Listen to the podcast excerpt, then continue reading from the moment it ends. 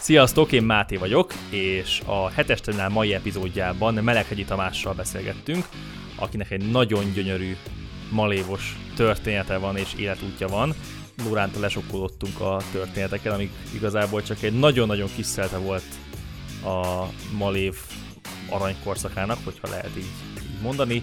Beszélgettünk a malév amerikai járatairól is, és még sok más témáról, úgyhogy maradjatok velünk, ez itt a hetes terminál, és megkezdjük a beszállást.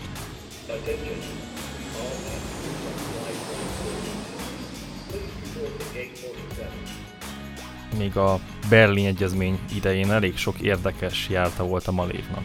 Tehát több is, mint utána, szerintem. Mik voltak azok, amik szerinted a legérdekesebbek voltak bármilyen szempontból, ami nem volt egy egyedi, akár utasok kapcsán, akár a destináció kapcsán, Hát nincs ennyi időtök. Volt egy olyan reptér, ahol jártunk, legyen találós kérdés, nem lesz. Heti öt járat volt összesen erre a repülőtérre, és ebből kettő volt Malév, 234-essel repültük, és ezen kívül repült oda a Tarom és az Interflug. Az Interflug az Budapesten keresztül repült IL-18-assal, és a Tarom is IL-18-assal repült. Ezt a repteret úgy hívták, hogy Tirana. Ugye hát ez egy zárt világ, ekkor még. Egy ilyen hatszög alakú betonlapokból összerakott olyan kifutópálya volt, semmiféle irányítás nem volt, tehát vizuális megközelítés volt. A pálya végén effektív, mert nem volt guruló út, tehát volt egy ilyen darab beton lerakva ezekből a kockákból, tehát ez mikor leszálltunk, hogy ilyen hangja volt, és akkor a pilótának ki kellett menni a pálya végig, és meg kellett próbálni az egyébként nem nagyon orfutó forgó barát 234-essel úgy megfordulni, hogy le, ne guruljunk ki erről a kis betondarabra, és visszagurultunk a pálya közepére, és ilyen 90 fokba le kellett bandukolni utasforgalmi épülethez, ami úgy nézett ki, mint a Hortobányi 9 lyukú híd mellett egy ilyen parasztház, aminek úgy volt egy ajtaja, és akkor megérkeztünk a csodával. Tehát azért mondtam el, hogy a másik két légitársaság, aki járt, az IR-18-assal járt, mert mi jártunk egyedül sugárhajtású repülőgéppel, de a repülőtér egyébként nem volt körbevéve igazán, tehát oda jöttek és nézték, mint a, a csodát a, az emberek. És amire emlékszem, amikor először voltam, akkor csak nők voltak a podgyász kiszolgálók, és úgy nézett ki, egy ilyen létrát odatoltak a 34-es hasához, és kilögdösték a betonra a bőröndöket, és ezek, ezek az albán asszonyok szépen azt összeszedték, és kettesével behozták ebbe a házikóba. És akkor lerakták, és akkor mi elvittük magunkkal és mivel tényleg semmiféle, a repülőtéren nem volt semmi számítástechnik, meg semmi, Malév képviselő az volt, akinek a lakásán volt valami telexgépe, vagy nem tudom micsoda, ahova elküldték előző este az utaslistát, ott egyébként éjszakáztunk, heti kettőnk volt, azt hiszem, hogy volt, hogy csütörtökről péntekre és szombatról vasárnapra fordultunk, és ott lakott kinn a személyzet. Az is érdekes volt, hogy ugye nem lehetett kihozni albán leket, úgyhogy albán konyakban kaptuk a napi díjat. Azt Jovik is, meg mi is, illetve a pilóták is, meg, meg mindenki.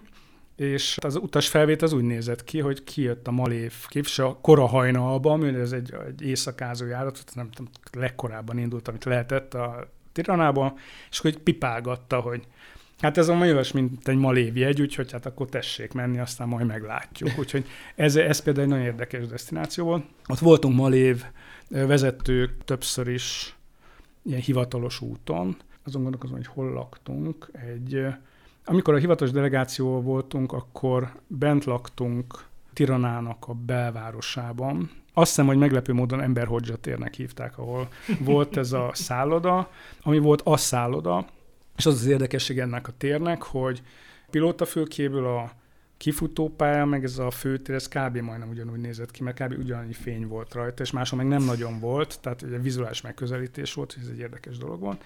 Amikor én ezzel már hivatalos delegációban voltam kin, megérkeztünk az esti járattal, kim volt a Malév képviselő, kijöttek elénk az Air Albániának a vezetői, az Air Albániának nem volt repülőgépe, de volt légitársaság, és akkor velük ott nagyon összebarátkoztunk, természetesen rögtön a repülőtéren, és bevittek minket a szállodába. És minden podgyászt, mindent hoztak, semmi, hát mindenkinek ott maradtak is útlevele, és ennyi, amit odaadtunk a recepciósnak, és leültünk, és akkor barátkoztunk. De már késő este volt arra, emlékszem, hogy beültünk, és akkor hogy akkor menjünk a szobáinkba, és akkor majd holnap folytatjuk ezt a Közben eszembe jutott, hogy Duresben laktunk egyébként. A személyzet mindig Duresben lakott.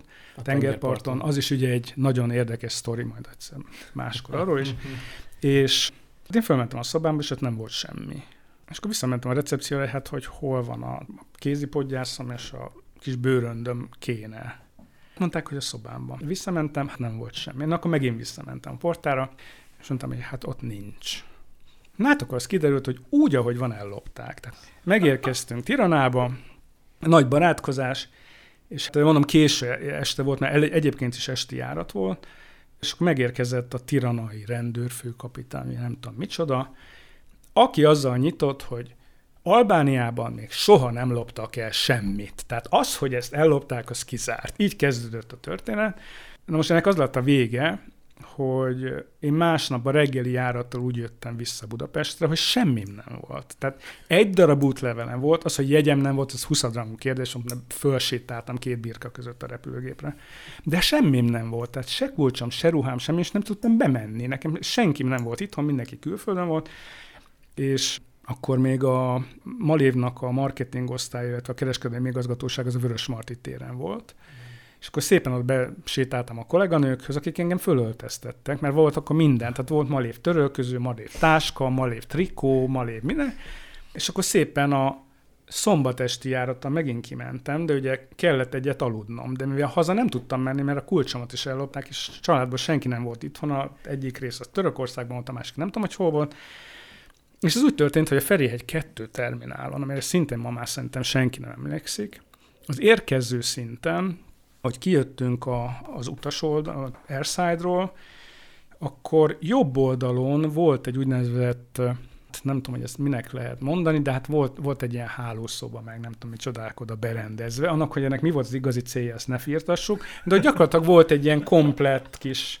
apartman, úgyhogy én ott aludtam éjszaka ebben a kis apartmanban, ami egyébként nagyon szépen be volt rendezve. Azt mondták, hogy ez egy érkező kormányváró. Na, most én elszettem, hogy elég sok évet ott dolgoztam, de oda kormány utas az életbe a lábát be nem tette, de így hívtuk, hogy az már régen meg van szüntetve egyébként. És én ott aludtam, és akkor másnap, emlékszem, hogy nagyon szép idő volt, itt a városban jöttem, mentem, mint egy ilyen malév reklámfigura, mert talpig malévba voltam öltözve, és akkor este szépen visszamentem a reptérre, és visszamentem a Tiranába, és már Duresben csatlakoztam egyébként a malév delegációhoz. Tehát ez az egyik ilyen destinációnk, de sok ilyen volt. Ugye a Tengiz az egy különlegesség volt, ahova főleg magyar elítélteket vittünk ki, aztán nagyon sokat hoztunk vissza már lenne a podgyásztérben, értsük úgy, hogy nagyon sokan meghaltak sajnos. Ez egy charterlánc volt, amit Magyarország és a Szovjetunió megállapodott, hogy miért ez, sok cikk van egyébként fönn ugye erről a, az interneten, és én ezt soha nem értettem meg, hogy ez miért nem szovjet rabokat vittek oda. Tehát ez egy ilyen számomra teljesen értetetlen dolog, de semmi közöm hozzá. Azóta meg pláne megtanultam, hogy politikában nem szabad beleszólni, meg kérdezni se igazán. Eddig még bevált, majdnem. Tehát ez egy nagyon érdekes járat volt, oda nagyon sokat jártunk, és ez ugye Kievi leszállással ment, mert ugye Kazaksztánban van ez a akkor feltárt olajmező, ahol ennek a infrastruktúráját kellett kiépíteni. De hát voltak olyan járataink, amik izgalmasak voltak. Volt olyanunk, ha jól emlékszem, hogy Varsó, Leningrád, ugye ilyen stoppunk volt, és ugye ez azért volt érdekes, mert kereskedelmi jogok, meg más egyebek nagyon furcsák voltak. Volt ugye nekünk Abu Dhabink, akkor volt Dubai Kuwaitunk 254-essel, amit csak súlykorlátozással tudtunk repülni, mert nem tudtuk repülőgépet hazahozni szinte soha. Általában Isztambulban leszálltak tankolni. 143 személyes volt a 54-es, és 120 utas tudtunk rá fölvenni, hogy el tudjunk köhögni egyáltalán oda is, meg vissza.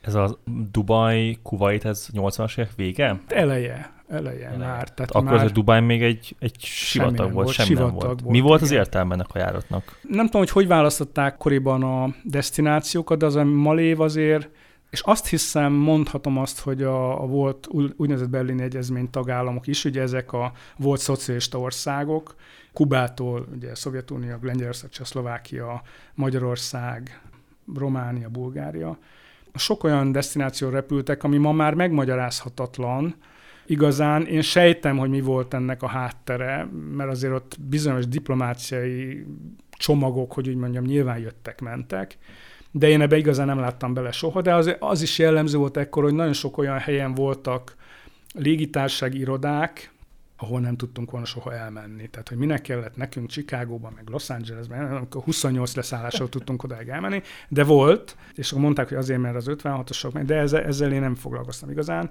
Ugye sok helyre repültünk, mint több mint 40 destinációra repültünk, akkor is 18 darab repülőgépünk volt, és ezeknek a nagy része mint a vadlibák azok, vagy vadludok NDK és Magyarország között repültek. Tehát ez a rengeteg, rengeteg járatunk volt a két ország között, mindig teltházzal, és mondjuk az is így nem tűnhet érdekesnek a berlini járat, ugye Schönefeldre repültünk, de ha azt elmesélem, hogy az érkezés után az utasok kijöttek az 54-esből, és akkor ha azon az ajtón mentek ki, akkor Nyugat-Berlin felé mentek, ha azon az ajtón mentek, akkor Kelet-Berlin felé mentek, hogy azért ott volt egy kis feszültség mindig a levegőben, hogy akkor ki most merre fog menni, tehát ott ezek a szürke egyenruhás NDK határőrök elég rendes géppisztolyállományjal várták azt, hogy ki merre fog kanyarodni.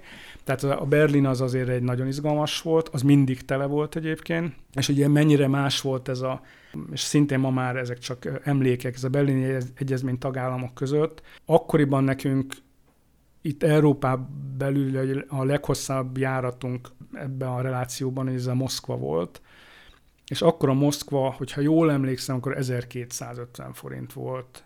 Tehát ez egy ilyen gyakorlatilag ingyen volt, és ugyanarra a járatra, ugyanarra az osztályra, ugye úgynevezett komfortosztály repültünk, és turista osztály, a komfort volt a mi bizniszosztályunk, ahol egyébként igazán extra kiszolgálás volt. Tehát az, hogy mi kétféle melegételből lehetett választani, és tényleg híres mini italokból óriási választék volt, és a, az a kisüveges Hungária pesgő, az ugye egy malév ötlet folyamán alakult ki. Azt is el kell mondani, hogy függ, hogy merre repült a repülőgép, egy nagyon más volt a fogyása ezeknek a mini italoknak például.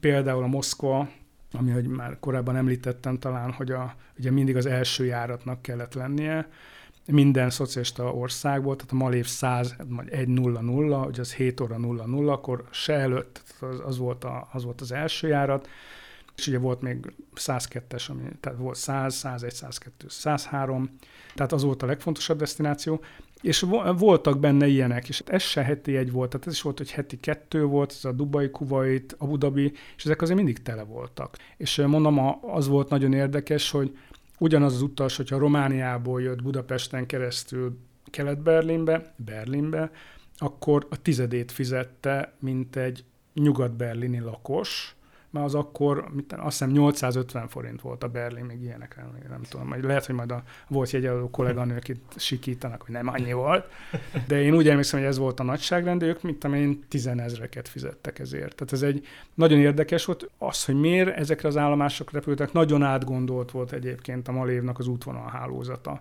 Tehát nagyon sok helyre települtünk, nagyon sok éjszakai járat volt, tehát volt Atén, Larnakánk, volt Kajrói település, akkor a személyzet első elvitt az első állomásra, ott beszállt az ott várakozó személyzet, az elvitt a következőre, vissza, az ott kiszállt, akkor beszállt a már. Tehát ez egyébként ma imádták, azt Juvik is, meg a pilóták is, mert ott volt a két napig Aténban, vagy Kajróban, vagy már ott, tehát ez egy igazi szép idők voltak, mm-hmm. nem ez az őrület volt, hogy most már a személyzet takarítja a fedélzetet is, úgyhogy ezek érdekesek voltak. Gondolkozom, hogy milyen destinációk voltak, de gyakorlatilag minden minden nagy reptérre repültünk. Tehát hol sikeresen, hol nem volt, ahol beálltunk épület a közeli állóhelyre, arra emlékszem, és nem tudták az 50 és soha többet onnan kitolni, mert az orfutója nem tudott kifordulni megfelelő fokban, és akkor összes repülőgépet mellett előtte ki kellett onnan takarítani, hát azt hadd nem mondjam, hogy hogy örültek neki. Mondták, na akkor tessék, itt van az állóhely, és nem sikerült. Tehát voltak ilyen, voltak ilyen sztoriaink,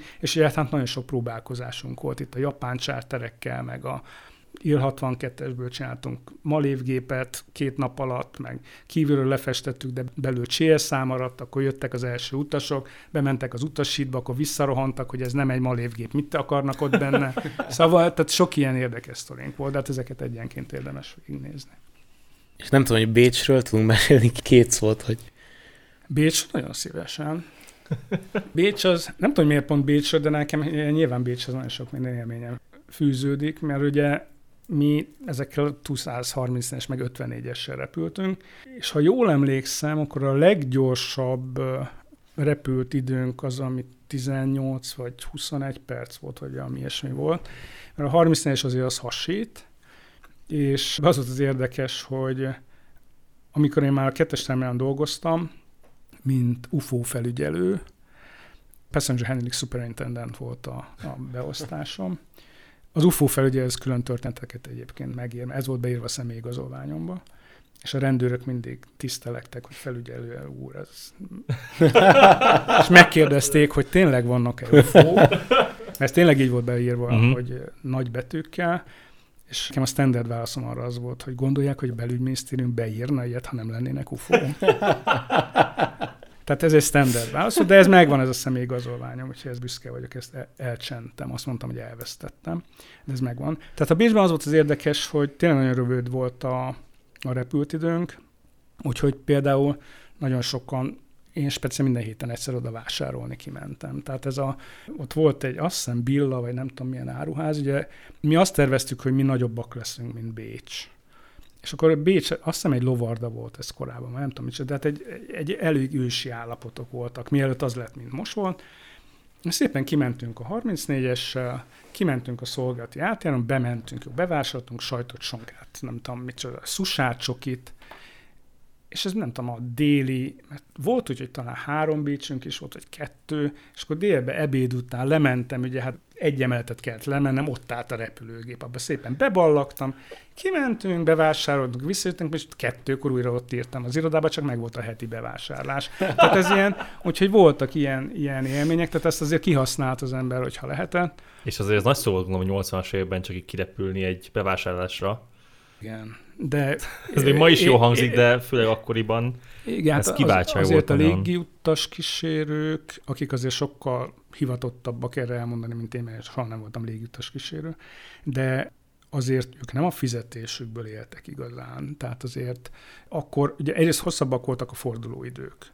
Ezért mindenhol ők be tudtak menni a tax-free shopokba, és ők a szép kis napi díjukból be tudtak vásárolni, teljesen legálisan egyébként, és akkor szépen hazahozták, és ők ebből éltek, hogy ezt szépen uh-huh. eladták, és voltak megrendelések, volt Dubajból jött a VHS Magnó. A vizéből ezt hozták, azt hozták, és hát egyébként erről, ebbe is isteni sztorik voltak, mert azért erre a vámos kollégák azért nagyon rárepültek, tehát azért figyelték, hogy hány crewbag marad a crewkárban, mert föl kellett menni vámra, de hát figyelték. Volt egy olyan hölgy, aki távcsővel figyelte, hogy hány crewbag jönnek le a fedélzetről a kollégák, kolléganők, és utána számolt, hogy hányat hoztak föl, és akkor a nevére is emlékszem, de nem mondom el, mert ez tényleg itt a voltak ilyen vámosaink, akik egyébként utáltak minket. Tehát, mert ők aztán tényleg, ha úgy tudom, soha nem utazhattak a munkakörüknél fogva, és ők direkt pikkeltek ránk. Tehát én is sokszor utaztam, ugye és ráadásul én ott azért eléggé sokszor konfliktusba kerültem velük, az ut- mert én azt akartam, hogy az utasoknak jó legyen. Tehát amikor láttam, hogy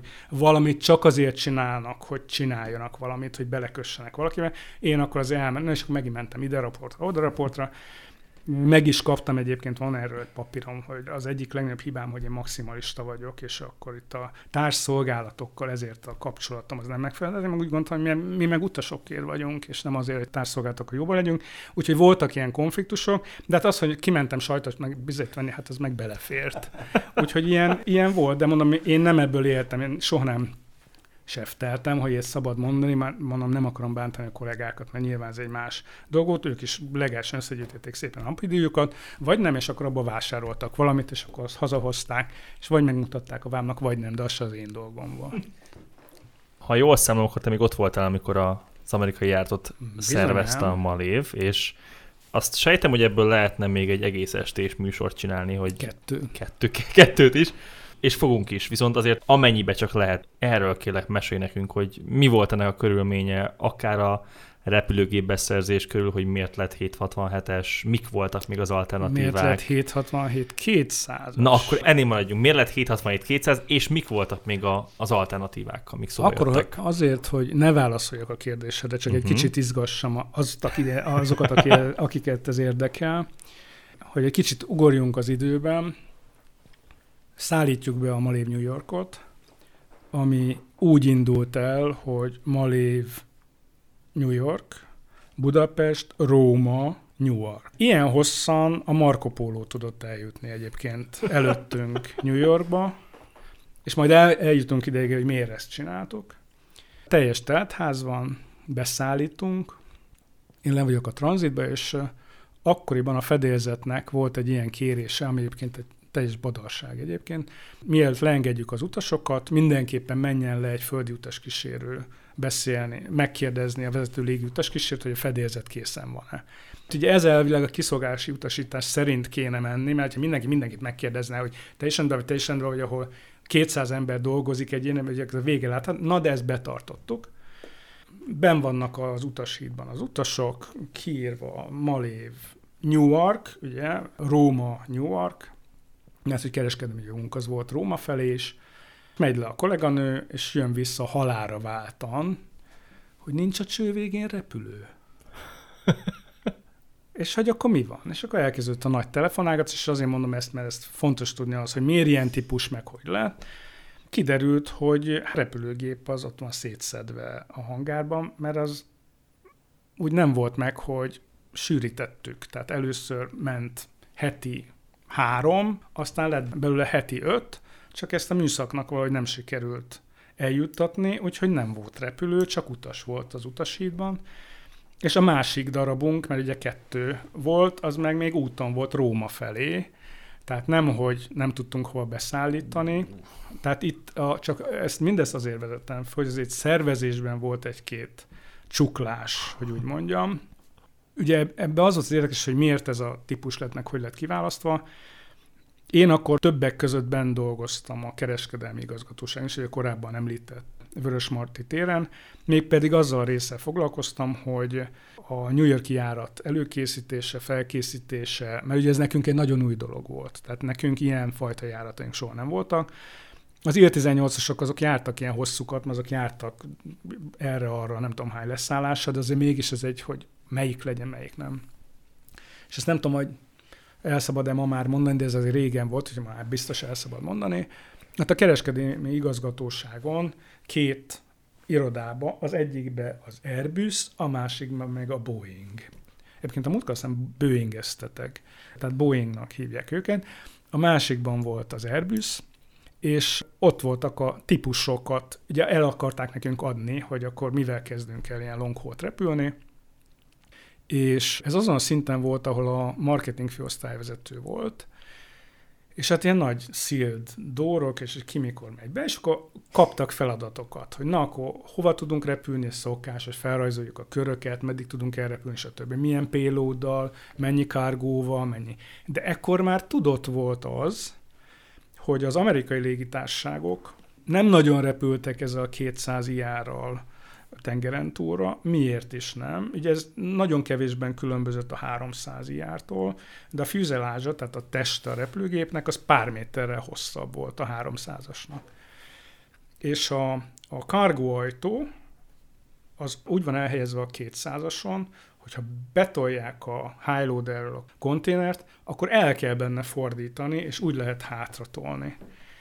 És ez olyan sokszor beakadt, hogy gyakorlatilag nem lehetett időben megfordítani a repülőgépet. Tehát az amerikai légitársak ezt már felismerték, de ezt ugye nem lehetett már se átterre, stb. Úgyhogy elkezdték belföldön járatni, ahol nem volt soha annyi konténer a, a repülőgép hasába.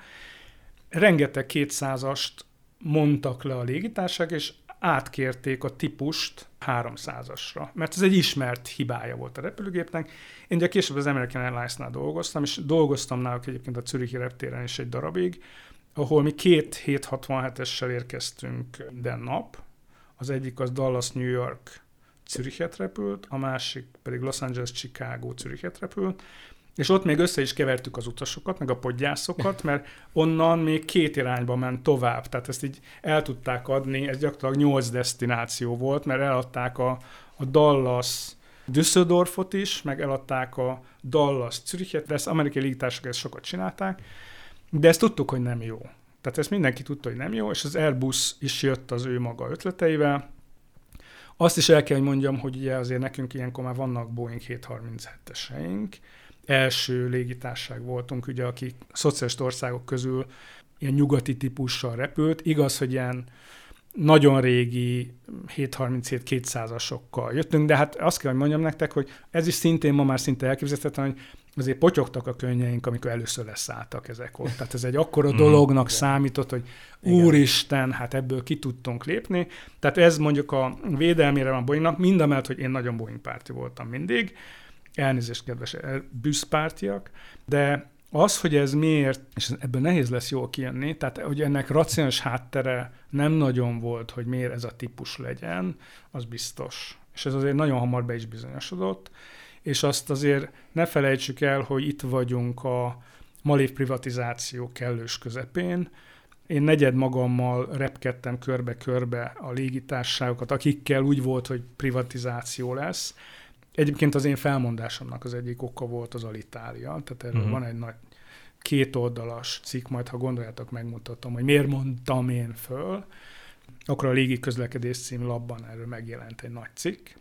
Nem azért, mert egy hős vagyok, nem tudok nem szembe menni a hülyeséggel, és akkor egyszer csak kiderült, hogy 767 200-asok lesznek, jó, legyenek, és akkor megjöttek, és nem is volt igazán sikeres, mert ahogy mondtam, ugye mi elkezdtünk járni Rómán keresztül, és hát katasztrófa volt. Tehát ugye Rómában nem tudtunk épületközeli helyre menni, az utasokat nem engedték kiszállni, nyáron kezdtünk el járni, ott takarították ki a repülőgépet, most képzeljétek el azt, hogy tele utassal ül a repülőgép a római betonon júliusban, és jön az olasz takinéni, és mondja, hogy tessék a lábát fölemelni, Jé, mert alatta fogunk takarítani, de ugye a vizében nem lehet állni a folyosón, mert hogy tankoljuk a repülőgépet, tehát utasok ülnek a fenekükön, azért ez egy nagy dráma volt akkoriban. Emiatt a fordulóidőink iszonyatosak voltak, dupla személyzeteket repülnünk, mert olyan hosszú volt a repülési időnk, hogy egy személyzet nem tudta lerepülni, ezért aztán New Yorkban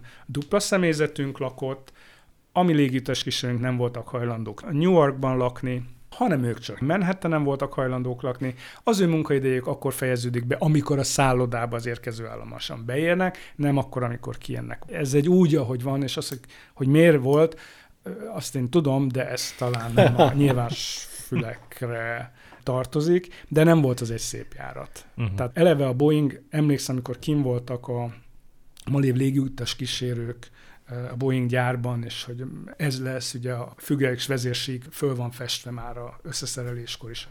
Megnézték a rep, és hát nem értette a Boeing, hogy ebben miért akarnak ilyen utaspihenőket, ilyen sokat. Tehát maga a Boeing gyár ilyen még nem találkozott, hogy ezt a típust dupla személyzettel kell repülni. Miért kéne? Hát csak ők nem tudták, hogy ezt mi így repüljük. Meg hogy a mi személyzetünk az még érkezés után másfél órát a panorámát fogja nézni, és nem, nem bemegy az első szállodából mindenki, aki New Yorkba jár, ne beszélve arról, hogy másik államban vagyunk. Tehát ezek ilyen ma már nehezen megmagyarázhatóak, de sokunk számára ismert problémák voltak. Azt a mindenit. És akkor az alternatíva akkor az Airbusnek az A300-os lett volna, ugye? Hát meg itt a 767 300 jár volt a másik. Uh-huh. Tehát logikus, hogy ha visszaadtak nagyon sok 200 IR megrendelést, akkor azt nyilván olcsóban megkaphatjuk. Uh-huh. De azért azt, azt át kellett volna gondolni, hogy akkor ezzel hogyan tudunk, és ugye a harmadik az egy 300-as volt, ami szintén ugye egy katasztrófa, mert három darabon van egy ilyen repülőgépből, és ha történik vele valami, akkor a 300-ast hogy cserélem le 200-asra? Tehát az utasokkal mi lesz? Az, hogy hogyan lehet átbukolni utasokat, az is egy nagyon macerás dolog, mert csak azon a bizonyos jata réten lehet őket átadni. Tehát ő vette egy forintért azt a jegyet, nekem meg ki kell érte fizetnem 3000 dollárt a másik keriernek, aki belép helyettem. Meg akkor még éjszakáztatni kellett, meg akkor még etetni kellett. Tehát, hogyha mindet az ember összeadja, azért itt komoly pénzek voltak, de mi mindig sikeresek voltunk. Tehát pénzügyileg a Malév, amíg nem jött az Alitália, addig sikeres volt. Mikor jött az Alitália?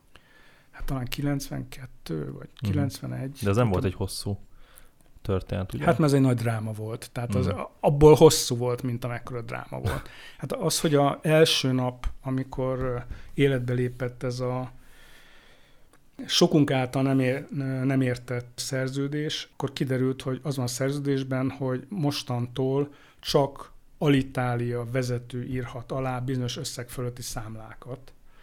És ott állt a Malé flotta a földön, megtankolva, de nem tudták a kerozint aláírni a malévosok, úgyhogy nem tudott indulni a flotta. Tehát ilyen szintű hibák voltak benne. Arra nem beszél, hogy az összes slotunkat elvették. Tehát az Alitáliát nem érdekelte az a 18 darab repülő nyilván. Őket az érdekelte, hogy mi mikor tudunk Frankfurtba menni, mi mikor tudunk Londonba menni, mi mikor tudunk Párizsba menni, és onnantól kezdve nem tudtunk menni. Uh-huh. Tehát valószínűleg jó olcsón szereztek be szlotokat maguknak egy ilyen... Hát, nem, meg be tudták szerezni, mert hát, úgy nem, nem volt elérhető. Igen, igen, igen, igen, igen. Úgyhogy ez volt a mi kis alitálius 767-es sztoring. Azt a mindenit. És akkor te eljöttél a Malévtől, utána elmítetted, hogy az American Airlines-nál is dolgoztál. Így van, így van, így van. Hát az három nap múlva sikerült oda engem kicsábítani, de az meg a következő történet. Az is egy nagyon szép történet. Én kicsit így le vagyok sokkolódva, megmondom szintén, mert egy pár történet volt. És csinálunk egy olyat, hogy megkérdezzük a hallgatókat, hogy nekik mik a kérdéseik, és a Tamás megengedett, hogy utána visszatérjünk hozzád, és akkor Persze, egy újabb beszélgetésre meghívjunk. Hogyne, hogyne. Mert szerintem nagyon sokakban nagyon sok kérdés felmerül, nagyon sok, nagyon izgalmas történet. Tehát még csak megkapargattunk, vagy még ott maradt a felszín alatt. Igen. És rengeteget lehetne erről még még beszélgetni. Hát arról meg nem beszélve, hogy én azért mind a mai napig repülős vagyok. Tehát én, én ezekben mm, napra kész vagyok, mondhatom, tehát itt a, már utaltam a múltkori adásban a A380-as fog-e repülni, vagy nem. Én a, gyakorlatilag mind a mai napig az összes vezető légközlekedési szaklapot olvasom, mert hogy akit egyszer a mozdonyfisje megcsapott, mm.